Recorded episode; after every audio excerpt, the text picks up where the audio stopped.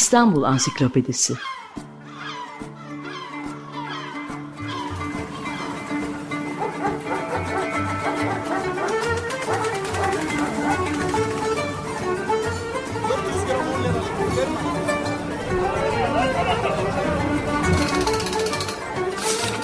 İnsanlar, olaylar, mekanlar, gelenekler ve ihtiyaçlar üzerinden şehrin tarihinden sayfalar.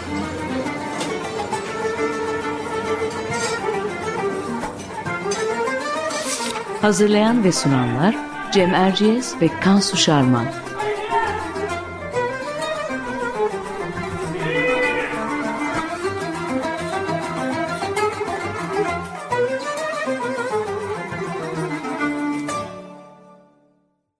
Merhabalar, Cem Erciyes ben. Kansu Şarman'la birlikte hazırladığımız İstanbul Ansiklopedisi'ne hoş geldiniz. Bu hafta konumuz İstanbul Resim Heykel Müzesi. Konuğumuz bu konudaki çalışması Resim Heykel Müzesi. Bir Varoluş Öyküsü adıyla yakınlarda iletişim yayınları Sanat Hayat dizisi kapsamında kitaplaşan Ayşe H. Köksal. Tarihçi Ayşe Köksal, Özyeğin Üniversitesi Sanat Tasarım Fakültesi öğretim üyesi. Ayşe Hanım hoş geldiniz. Hoş bulduk. Biz her hafta olduğu gibi Kansu ile kısa bir giriş yapacağız. Sonra sözü konuğumuza Ayşe Hanım'a bırakacağız. Onun için ben başlayayım anlatmaya. Anlatacağım şey tabii neden bu konuyu seçtiğimize dair birkaç cümle olacak öncelikle. Şu sıralar İstanbul'un gözde yerlerinden birisi. Herkes akın akın görmeye gidiyor. Pek yakında kapılarını açan Galata Port. Fındıklı'dan Karaköy'e kadar uzanan bu alışveriş alanının bir ucunda Türkiye'nin en tanınmış özel sanat müzesi İstanbul Modern var. Diğer ucunda ise Türkiye'nin ilk sanat müzesi. Kurulduğu günden bu yana bir tür ulusal müze olma özelliği taşıyan İstanbul Resim Heykel Müzesi yer alıyor. Her iki müzede e, bu yeni binalarında henüz faaliyete geçmiş değil. Yakında açılacaklar. Ama özellikle Resim Heykel Müzesi'nin açılmasını dört gözle bekliyoruz. Çünkü Türkiye sanatının hazinelerini barındıran bu müze uzun ömrünün belki yarısını kapalı geçirmiş talihsiz bir kurum. Bugün konuğumuz Ayşe Köksal ile de bunu konuşacağız. Ama önce o talihsiz hikayeyi özetlemek üzere sözü Kansu'ya bırakıyorum. Evet Cem, İstanbul Resim Heykel Müzesi'nin hikayesi hakikaten ilginç. Ee, Atatürk'ün emriyle 20 Eylül 1937'de e, Dolmabahçe Sarayı'nın bir parçası olan Veliaht Dairesi'nde açılmış. E, o zaman akademinin başında Burhan Toprak var. Müzenin ilk müdürü ise Halil Dikmen. E, bağışlar ve farklı kurumlardan toplanan eserlerle kurulan ilk koleksiyon e, çeşitli devlet kurumlarının aldığı resimleri buraya göndermesiyle yıllar içinde daha da büyümüş. E, bugün en eski Osmanlı ressamlarından modern Türk resminin tanınmış isimlerine pek çok sanatçıdan e, 11 bin civarında eser olduğu biliniyor. Ama 1856'da Balyanlar tarafından yapılan binası ilk günden itibaren müzenin kaderini e, belirlemiş adeta e, bu güzel ve değerli yapı hiçbir zaman hakkıyla restore, restore edilemediği için e, müze uzun aralıklarla kapalı kal, kalmış. E, en son 2007'de kapanmıştı. E, Milli Saraylar Dairesi'nin başlattığı kapsamlı e, restorasyon bittiğinde ise bina e, Mimar Sinan Üniversitesi'nden alındı. E, müzeye e, senin en başta Galata Port olarak yeni adıyla and, andığın e, Antrepolar bölgesinde 5 numaralı e, antrepo tahsis edildi. E, Emre Arolat'ın tasarladığı proje burada e, uygulanıyor ve yeni modern binası bundan neredeyse 3 e, yıl önce tamamlanmış oluyor. Ama hala e, İstanbul Resim Heykel Müzesi yeni binasında kapılarını aç açabilmiş değil. E, şimdi müzenin hikayesini ancak böyle özetleyebiliyoruz. Şimdi sözü daha fazla uzatmadan konunun uzmanına dönelim. Ayşe Hanım merhaba. Önce şunu sormak istiyorum. Resim Heykel Müzesi nasıl açılmış? Gerçekten Atatürk'ün emriyle mi? Bize bu hikayeyi anlatır mısınız? E, elbette ben bunu e, özellikle vurguluyorum çünkü e, şöyle bilinir e, Resim Heykel Müzesi bir devlet projesidir gibi düşünülür. Özellikle bu Atatürk'ün emri mevzusundan ötürü. Halbuki yani Osman Hamdi Bey'den itibaren yani sanayi nefisinin kuruluşundan itibaren aslında bir güzel sanatlar müzesi kurma derdi var. E, çeşitli biçimlerde olamamış Ondan sonra tabii 1923'ten sonra yani Cumhuriyet'in kuruluşundan sonra ortaya çıkan bu e, kültür ve modernleşme projesinde de e, aslında ilginç bir şekilde çok daha erken bir dönem olması beklenirken e, 1937'lere kadar bu iş sürmüş. Dolayısıyla aslında şunu söylemek çok mümkün. E, devletin de çok büyük bir e, talebi ve isteğiyle kurulduğu söylenemez. Bunu talep edenler aslında sanatçılar. Sanatçılar dediğimiz tabii o dönem içinde akademi. E, ve ben bunu o yüzden çok vurguluyorum. Bu aslında bayağı bir sanatçının e, kamusal hareketi bile diyebiliriz o dönemde. Çünkü ikna ediyorlar. Yani ikna etme üzerine kurulu. E, nasıl ikna ediyorlar? E, sizin de bahsettiğiniz gibi Buran Toprak e, 50 yıllık Türk resmi sergisini açıyor 1936'da. Ee, ve Atatürk'ü ve önemli tabii ki devlet erkanını o dönemde davet ediyor. Hatta Atatürk'e ulaşmak için e, uzun e, bir zaman Latife Hanım'ı aracılık e, kılıyor. Çünkü o sırada sanat ortamıyla ilişkide. Ondan sonra diyor ki lütfen Atatürk'ü getirir misiniz? Çünkü Atatürk zaten hafif biraz hasta o dönemlerde. E, ve bir sürü tabii başka derdi de var. E, ve e, Atatürk geliyor. İşte zaten bir sürü bildiğiniz me- meşhur fotoğrafları da vardır. Ülküyle vesaire kızı, e, manevi kızı ve çok etkileniyor. E, ve diyor ki açacaksınız. Yani emir, emir ediyor. Bu doğru. E, ama o emri e, sağlayan aslında sanatçıların ve akademinin çabası. E, burada çok ufak e, şunu söylemek is, e, istiyorum. Sanatçı bunu neden istiyor? E, aslında e, eserler satın alınıyor o dönemde. Yani biliyorsunuz ki Cumhuriyet Halk Partisi o dönemde eser satın alıyor. Fakat bu eserlerin nasıl korunup saklanacağına dair sanatçının endişesi var. Ve bununla ilgili zaten çok fazla yazılıyor o dönemde. Ve müze aslında tam anlamıyla bu korunma amaçlı e, kuruluyor e, diyebiliriz. E, kısaca böyle ilk hikayesini böyle özetleyebilirim size.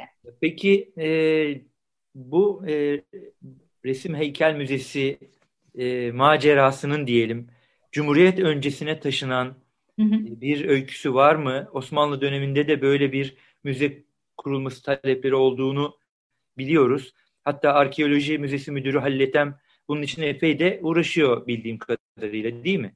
Kesinlikle. O aslında abisinin biraz mirasını devam ettirmek istiyor. Biliyorsunuz Osman Hamdi'nin kardeşidir. Hem arkeoloji müzesi hem de e, bu e, şey koleksiyonu geliştirmeye çalışıyor. E, ve Elvai Nakşiye diye bir koleksiyon oluşturuyor. E, Osmanlı Mebusan Meclisi'nden en sonunda bir bütçe çıkartıyor. E, ve e, öyle bir e, aslında çok önemli de bir e, koleksiyon ortaya çıkarıyor. Bu koleksiyon zaten müzenin e, çekirdek koleksiyonunu oluşturuyor. Bunu e, bunu söyleyebiliriz. Peki yani e, Halil Ethem Bey e, müze açmayı hiçbir zaman başaramıyor ama Osmanlı döneminde. Yani çünkü araya e, savaş giriyor. Bu da etkili oluyor muhtemelen değil mi? Evet yani burada ilginç olan soru şu arkeoloji müzesine niye dahil e, edilmiyor bu koleksiyon? Yani Müze-i Hümayun'a Hı hı. E, fakat orada şöyle bir şey var. E, bu, bu koleksiyon sergileniyor ama Müze-i Hümayun'un içinde sergilenmiyor. Nerede sergileniyor? Akademide sergileniyor, orada sergileniyor, burada sergileniyor. Buradaki önemli nokta şu, o dönemde müzeyi yani sanat müzesini aslında akademinin e, bir anlamda eğitim e, işlevini görmesi için ola, olarak da düşünüyorlar.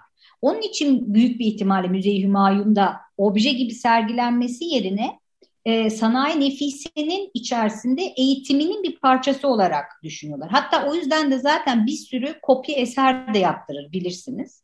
Çünkü evet. amaç odur, eğitim. Ama o dönemlerde bu zaten yani Fransa'da da böyle yapılıyor. Bir sürü yerde böyle yapılıyor. Ee, ama o dönem bir türlü müze olmuyor dediğimiz Yani ee, akademinin hı hı akademinin bir parçası olarak hep düşünülüyor dediğinizde zaten o zaman her, taşlar daha da yerine oturuyor. Bugün hala akademinin bir parçası o müze. E, ilk başta itibaren de böyle kurgulanıyor. Peki e, Halil Bey'in e, biraz e, satın almalarla işte yurt dışından yaptırdığı kopyalarla çünkü o zamanlar şimdiki gibi fotoğraf yok video yok bu kopyalar evet. ressam eğitimleri için önemli diye hızlı hızlı hemen özetleyeyim niye kopya yaptırılıyor.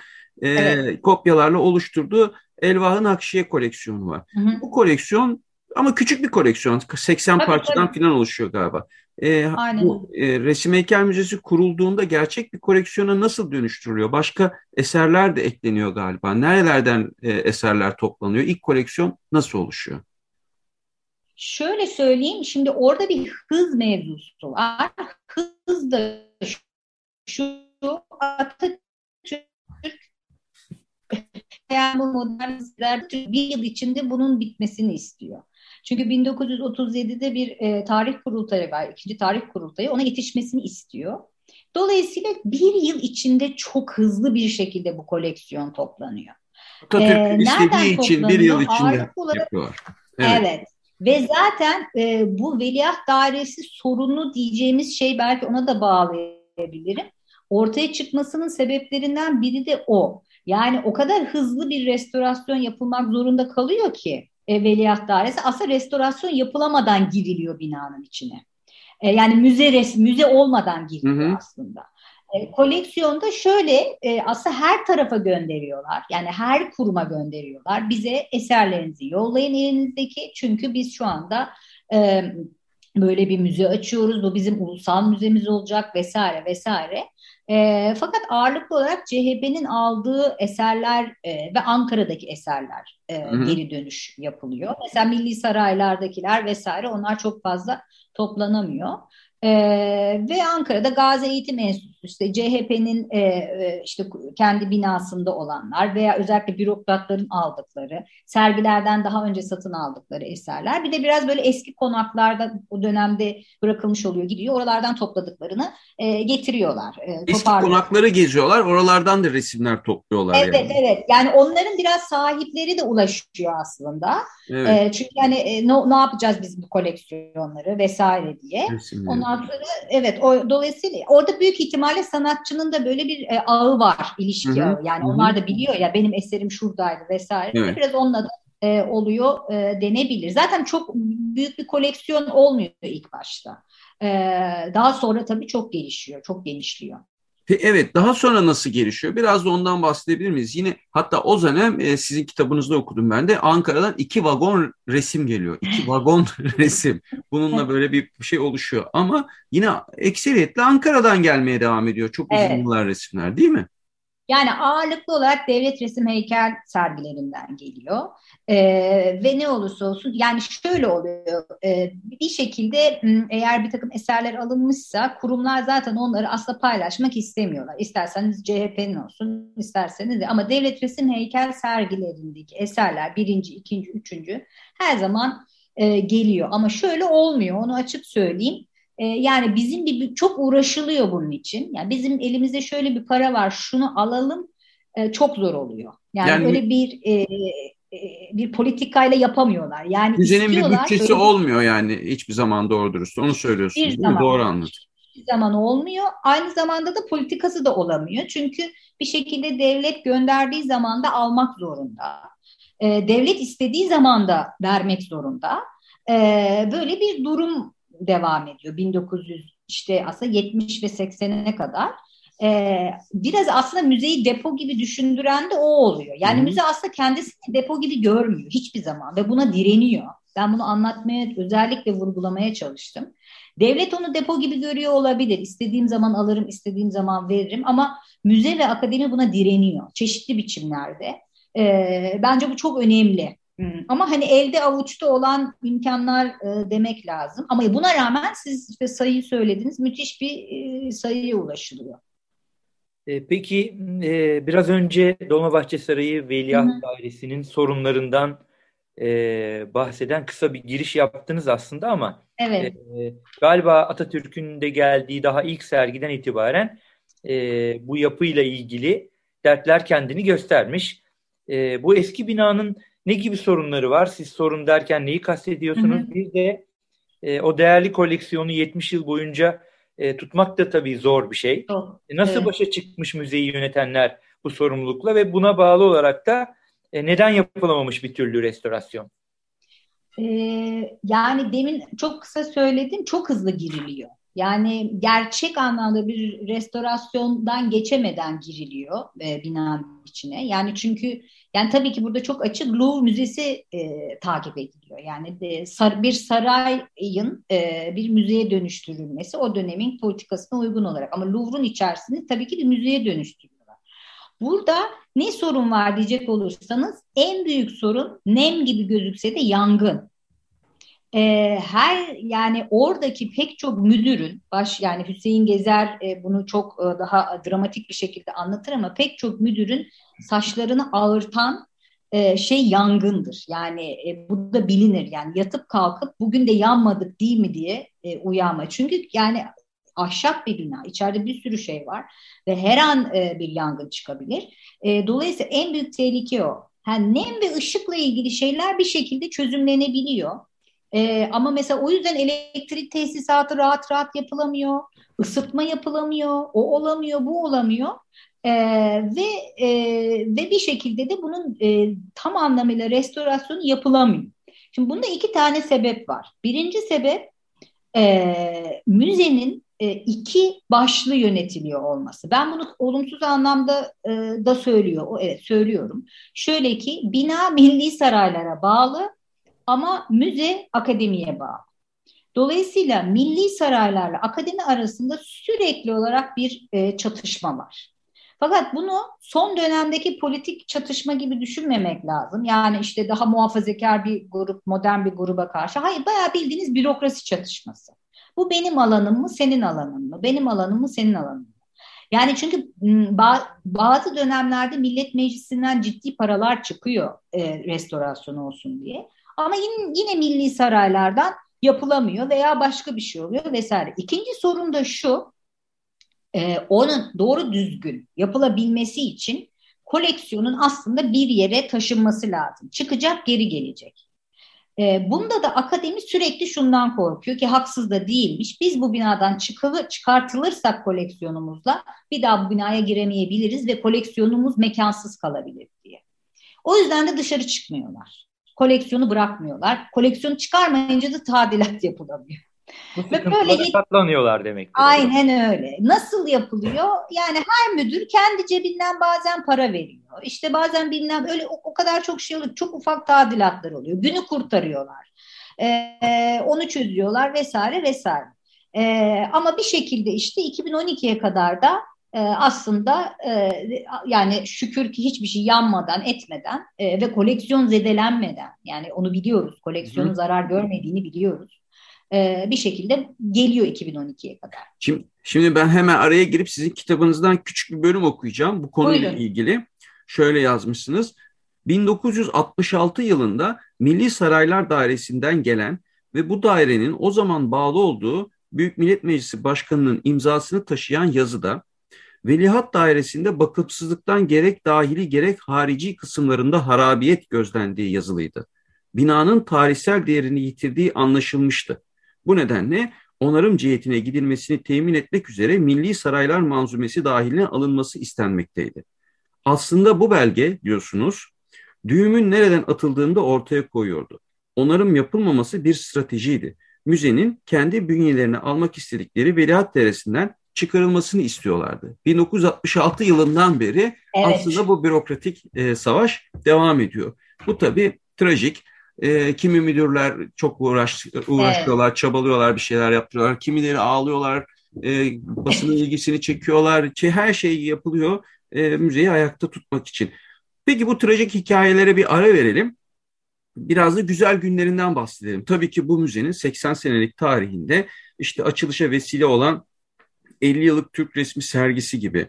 Sanıyorum özellikle Nurullah Berk'in müdürlüğü döneminde açılan bazı sergiler. Mesela Fransız resmi sergisi bayağı Fransız resminin en ünlü ustaları Türkiye'ye getiriliyor resimleri burada sergileniyor gibi. Yakın daha yakın dönemlerde Osman Hamdi Bey e, sergisi gibi. Son yılın, yıllarında açılan serginin sergisi gibi ilk serginin bir tekrarı. Önemli sergiler ağırlanıyor. Böyle dans gösterileri, açık hava sergileriyle çok sayıda ziyaretçinin e, hani buraya akın akın geldiği zamanları da oluyor. Yani müzenin sanat dünyasının güvenini kazandığı, ilgisini çektiği dönemler. Siz bunlar hakkında bize neler anlatırsınız? Biraz onlardan bahseder misiniz? Evet ben aslında onu da hep şöyle söylüyorum. 1990'ların ikinci yarısından sonra bu müze e, e, ilgi bitiyor diyebilirim. Müzenin de müzeliği ortadan kalkıyor. Sizin hı hı. dediğiniz gibi çok kapanıyor e, aralarda ama her zaman açılıyor. 1992. yarısından itibaren ise e, sizin bahsettiğiniz gibi o aradaki e, işte Semra Germener, Zeynep İnankur, Ferit e, Özçen'in vesairenin olduğu bir dönem haricinde bu müze e, açık olma ve müze olma özelliğini yitiriyor. Ama onun öncesinde çok e, e, aralıklı da olsa çok çok e, e, uzun zaman da bazı zamanlarda çok uzun olmakta e, olan çok güzel dönemleri var. Özellikle 80 sonrasında yani Nurullah Berk'in e, sergili e, Nurullah Berk çok sergilere e, önem veriyor. Halil Dikmen zamanında e, iki yıl bu savaşa kadar orası böyle bayağı bir şey oluyor. Entelektüel kulüp oluyor. Hatta böyle bir, bir takım entelijensiye şey diyor. Kuzum burası kulüp mü yani geldik buraya e, mesela Maya mesela galerisi bayağı ona özeniyor. E, biz e, müze gibi olabiliriz e, vesaire. E, ben Belkıs Mutlu'yu anmak istiyorum burada. Yani Belkıs Mutlu döneminde Devrim Erbil'den sonraki müdür ciddi anlamda müze çok canlı bir yere geliyor. Ve hatta o dönemde bu çağdaş e, sanat diyeceğimiz ortamın, bienallerin filan şekillenmesinde de e, müze aslında dahil oluyor, gidiliniyor, geliniyor e, ve çok aktif oluyor. E, sergiler haricinde bir de aslında restorasyon atölyeleri çok iyi çalışıyor. E, ve oraya aslında uzman olarak başvuruluyor. Müzenin böyle de bir işlevi var. Ve bunu aslında hep sürdürüyor 90'ların ikinci yarısına kadar. İkinci yarısından sonra ise e, işte bir takım sebepler, e, bence kötü bir yönetim e, şeyi, yani akademi taraflı ve müzenin kendisi hı hı. taraflı. Müze artık görünmez bir hale geliyor ne yazık ki. Sanatçılar tabii çok önemli. Orası onların e, evi kabisi gibi hadi tabiri caizse e, ta 1930'lardan itibaren. 1980'lerde ama bir şeyler değişmeye başlıyor Türkiye'de. Artık resmin tek alıcısı devlet değil. Yani hı hı. E, özel koleksiyonlar kurulmaya başlanıyor. Bir sanat piyasası oluşuyor. Şimdi siz demin bahsettiğiniz e, dönemde biraz o galiba restorasyon atölyelerinin falan kurulduğu dönemde sanat piyasasıyla müze nasıl bir ilişki içerisinde oluyorlar? O nasıl etkiliyor? Olumlu mu etkiliyor, olumsuz mu etkiliyor? Ee, aslında şöyle güzel bir soru. Ee, 1980'de e, Ankara Resim Heykel Müzesi açılınca zaten müzeye bir kere e, eser gelmemeye başlıyor. Ondan sonra müze bir statik hale geliyor. Bu şeyler Hı-hı. koleksiyon anlamında. Ee, orada da şöyle bir şey oluşuyor. Ee, bu piyasanın etkilerini hissetmeye başlıyorlar. Bununla ilgili zaten pek çok belge var. Ve koleksiyonu akademik koruma altına alıyor. Tam anlamıyla muhafaza altına alıyor. Bu muhafaza altına almak bir noktadan sonra müzeyi akademinin bir anlamda özel alanı haline getirmeye başlıyor. O kadar çok bunu muhafaza etmek derdine düşüyorlar ki koleksiyonun başına bir şey gelmesin diye. Çünkü, o yüzden çünkü koleksiyon değerleniyor. Yani maddi de tabii, maddi, tabii. sanatsal değerine maddi bir değer de ekleniyor. Herkesin Aynen. gözü oraya dönüyor. Bakıyor. Aynen evet. öyle ve aslında müzenin koleksiyonunu görece pek çok e, yani diğer devlet müzesine göre koruyan bu muhafaza etme güdüsü ama aynı zamanda bence izleyiciyle bağını koparan da bu muhafaza güdüsü. Çünkü o kadar bu muhafaza derdinde müzenin müzeliği unutup bir koleksiyon korumaya gidiliyor ki e, yani hakikaten e, bir kasanın içine koyup eserleri orada aman başına bir şey gelmesin diye kapatmak durumunda kalıyor gibi oluyor. Fakat bir şekilde de e, hakikaten koleksiyon e, en azından bir yerlere düşmeden, kopyalar çıkmadan, görece diyorum, e, korunuyor. E, ama işte bence böyle bir etkisi oluyor müzeye. Evet. Peki e, son bir iki dakikamız kaldı. Evet. 2 dakikamız var. E, son olarak e, hızlıca e, müzenin yeni yerinden de bahsedelim istiyoruz. Hı hı. Nasıl bir bina yapıldı? İstanbul Resim Heykel Müzesi için neden bir türlü açılamıyor? E, yani İstanbul Müzesi'ne ne zaman kavuşacakla bitirelim. Vallahi e, buna ben şunu cevap vermek istiyorum. E, yani müze, binasını, koleksiyonunu nasıl e, bir müze olduğunu açılsın ve konuşalım diyorum ben. Yani bir gezelim, bir koridorlarında nefes alalım, bir şu koleksiyonu bir görelim, bir kahvemizi içelim. Ondan sonra bütün eleştirimizi, beğenimizi, yergimizi o zaman hak ediyor. Ama şu anda bizim yapmamız gereken tek şey onun açılması için ona destek olmak. Yani benim diyeceğim bu. E, diğerleri sonradan gelir. Yeter ki bir açılsın. E, akademi bunun için uğraşıyor. Çok iyi biliyorum. E, yakın bir zamanda da açılacağını tahmin ediyorum. E, ve o zaman inşallah belki tekrar bir program yaparsak tekrar bunu e, o zaman eleştirilerimizle daha genişleterek konuşabiliriz diye düşünüyorum. Böyle e, bir cevap vereyim. Kansu sen kapatmadan ben bir bilgi vereyim. Belki bunu ihmal etmememiz lazım. Sözünü ettiğimiz Veliaht Dairesi şu anda bir müze. E, ama İstanbul Resim Heykel Müzesi değil.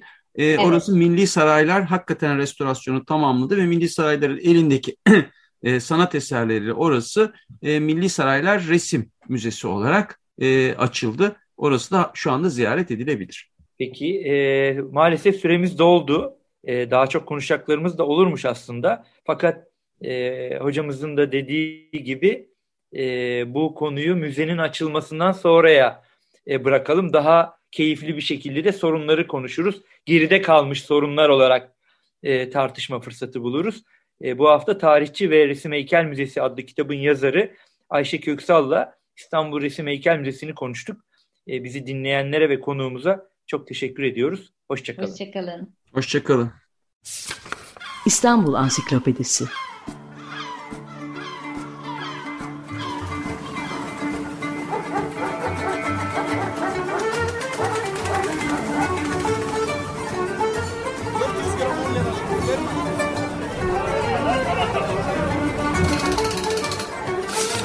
İnsanlar, olaylar, mekanlar, gelenekler ve ihtiyaçlar üzerinden şehrin tarihinden sayfalar.